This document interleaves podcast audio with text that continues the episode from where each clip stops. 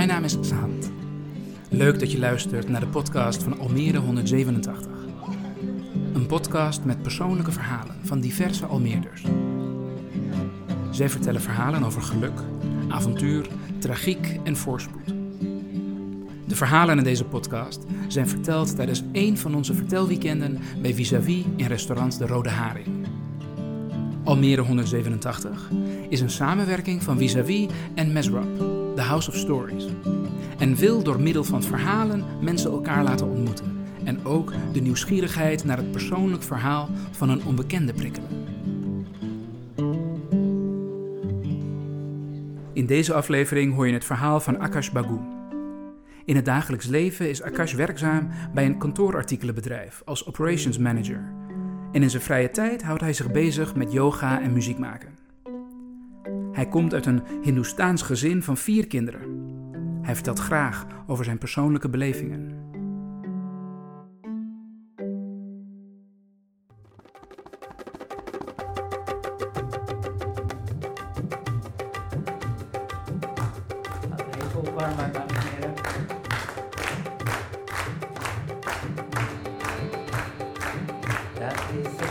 दिखाए पिया हमको। रात के सपना रतिया सपना दिखाए पिया हमको। रात के सपना, रात के सपना रतिया सपना। रात के सपना रतिया सपना। रात के सपना दिखाए पिया हमको। रात के सपना रतिया सपना दिखाए पिया हमको। रात के सपना।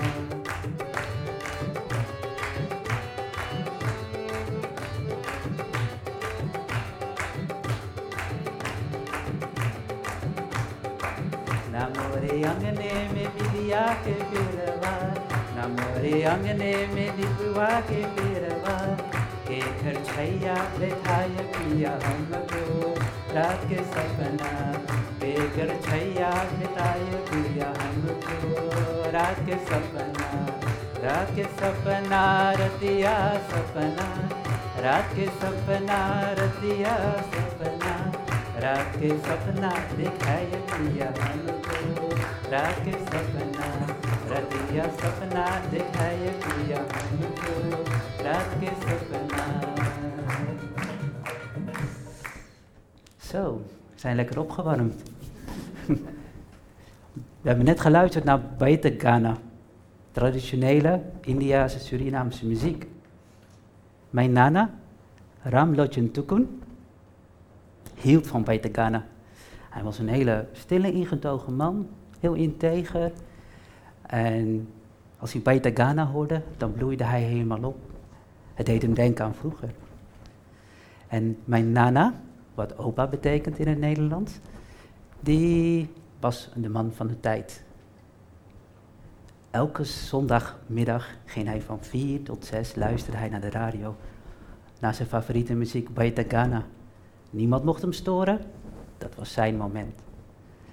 En op een dag besloot ik om mijn nana mee te nemen naar de tempel in Rotterdam. We hadden om één uur afgesproken en ik was onderweg naar eh, de literatuurwijk waar hij woont. En vijf voor één gaat de telefoon. En ik hoor mijn nana zeggen, Kabate, na. Wat betekent, gaan we nog of, eh, of gaan we niet meer? Want ja, ik heb er wel echt zin in. En ja, als ik dat hoorde, dan moest ik altijd lachen in mezelf. Want eh, ja, dat was onze generatieverschil. Hij was de man van de tijd en ik dacht, ja, als ik er om één uur ben, is het ook goed. En eh, om één uur kwam ik daaraan in de literatuurwijk. En mijn vader, die zat, eh, mijn nana zat ook letterlijk achter het raam te wachten op zijn kleinzoon. En toen ik daar was, stapte hij in en gingen we verder. Met muziek luisteren. Ik was dankbaar eigenlijk dat ik met mijn nana naar dezelfde klanken kon luisteren. En als ik naar zijn gezicht keek tijdens het rijden, zag ik ook de glimlach. Hij was blij. En ik was dankbaar. Je vertelde net al, waar kom je vandaan? Die vraag krijg ik ook altijd gesteld als je elkaar ontmoet voor het eerst. Waar kom jij vandaan? En dan zeg ik altijd vol trots, Almere. Alleen de ander reageert dan niet zo enthousiast en dan denk ik, oké, is niet, je hebt niks met Almere of je bedoelt iets anders.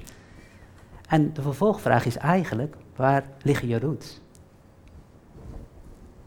We zijn weer terug in de auto. En ik vraag mijn Nana de vraag, Nana, waar liggen jouw roots? Nana is geen verhalenverteller, maar als je een vraag stelt, geeft hij wel uitgebreid antwoord. Dus Nana nam me mee naar Batsi in Uttar Pradesh, Noord-India. Nana vertelt over zijn opa. Hij nam mij mee. Nana aan het woord. Nana zegt, mijn opa kwam uit Batsi. En je moet je voorstellen, dat is het platteland van India. Arm, analfabeet. Ze hadden niet heel veel, ze hadden elkaar. En op een dag kwamen ze iemand tegen het lijf gelopen. Die vertelde over het beloofde land van uh, Rama, wat uiteindelijk Suriname bleek. Er werd verteld over gouden bergen en over hoeveel geld er verdiend kon worden. Vijf jaar werken daar op de plantages betekende inkomsten voor het thuisfront. En geboeid door dat idee om een betere toekomst te kunnen opbouwen, ging opa van mijn opa mee op de boot. Wat uiteindelijk een maandenlange reis was. Vol afzien, zwaar. En in Suriname aangekomen hadden ze helemaal niks. Ze hadden elkaar, ze hadden hun taal, ze hadden hun cultuur, hun muziek, Baita Ghana. En ze hadden hun geloof.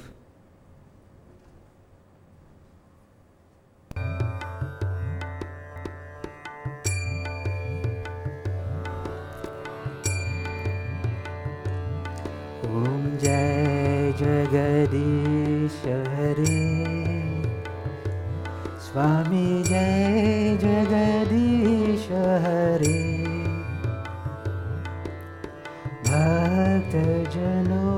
के संकट भक्त जनों के संकट क्षण में दूर करे। ओम जय जगदीश हरे मात पिता, तुम मेरे शरण गहु मैं किसकी स्वामी शरण बरु मैं किसकी? तुम बिना दूजा तुम बिना दूजा पार पराम जिसकी ओम जय जगदीश हरि। ओम जय जगदीश हरि ओम जय जगदीश Hari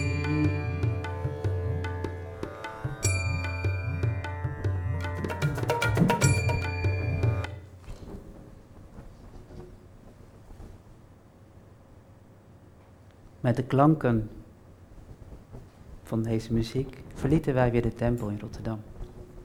Op terugweg naar Almere. En nu ik wist wat de roots van mijn nana waren, werd ik ook nieuwsgierig. En stelde ik Nana de volgende vraag.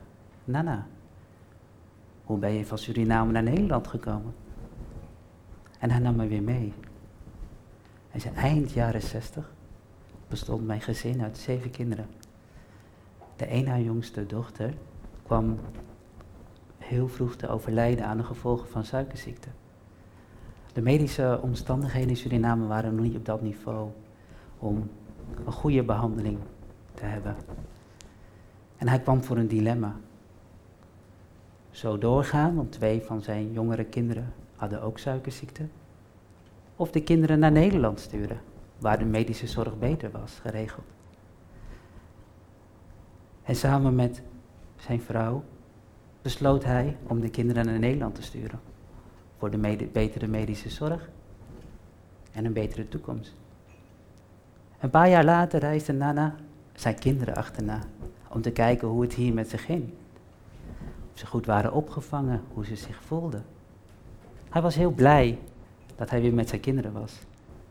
En hij besloot dat de toekomst in Nederland veel beter zou zijn voor zijn gezin. Hij besloot hier te gaan werken. En twee jaar later bracht hij zijn hele gezin 1 oktober 1976 naar Nederland. Hij, hij weet nog heel goed, als de dag van gisteren, dat hij de expressies van zijn kinderen zag. Zonnige Suriname en koude Nederland. Mijn moeder heeft daar ook nog hele mooie beeldende verhalen over. Dat het een hele wereld van verschil was. Van Suriname dan ineens in Nederland. Maar ze waren weer bij elkaar, herenigd. En zo gingen er een aantal jaren voorbij. De kinderen werden groot, ze trouwden, kregen ook eigen gezinnen. En gingen uiteindelijk ook allemaal naar Almere, de stad waar het allemaal kan. Voor een aantal van de groep in ieder geval. En mijn nana bleef achter, samen met zijn vrouw, in Hilversum. En ze besloten in 2004 om eigenlijk ook weer die stap te maken in Almere. Zouden de kinderen weer bij elkaar zijn en het gezin weer herenigd. En in 2004 verhuisden ze naar Almere. Mijn nana was, was niet iemand die stil wilde zitten. Hij was altijd bezig. En zo werd hij vijf jaar geleden werd hij bekroond tot held van de week. In, in de Almeerse krant. Al tien jaar helden door weer en wind. En waarom kreeg hij deze onderscheiding? Omdat hij de oudste krantenbezorger was. Met zijn 76 jaar ging hij deur aan deur om iedereen te verblijden met een krant.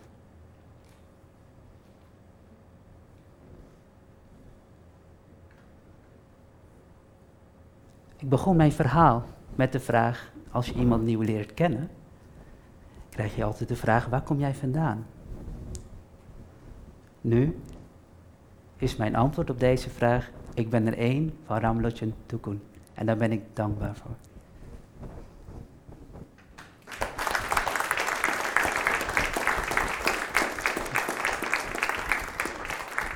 Leuk dat je luisterde naar de podcast van Almere 187. Een samenwerking van Vis-a-vis en Mesrab, The House of Stories.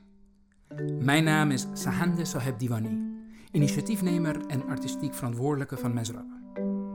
Namens Vis-a-vis en Mesrab willen we alle vertellers en medewerkers bedanken die dit project en ook de podcast mogelijk maken. Vond je de podcast zo leuk dat je Almere 187 wel een keertje live zou willen meemaken? Houd de website www.visavi.nl in de gaten voor nieuwe live vertelavonden in de Rode Haring. Wil je de Almere 187 podcast supporten? Dat kan. Via de website petje.af kan je een supportersabonnement nemen of eenmalig doneren. Volgende week hebben we weer een nieuwe podcast waarin een andere verteller aan het woord is. Dan zal Yosra Beljazid haar verhaal vertellen. Yosra komt uit een Marokkaans gezin van zes gezinsleden. Haar vader, haar moeder en drie zusjes. In het dagelijks leven zit Yosra weer op school in Amsterdam.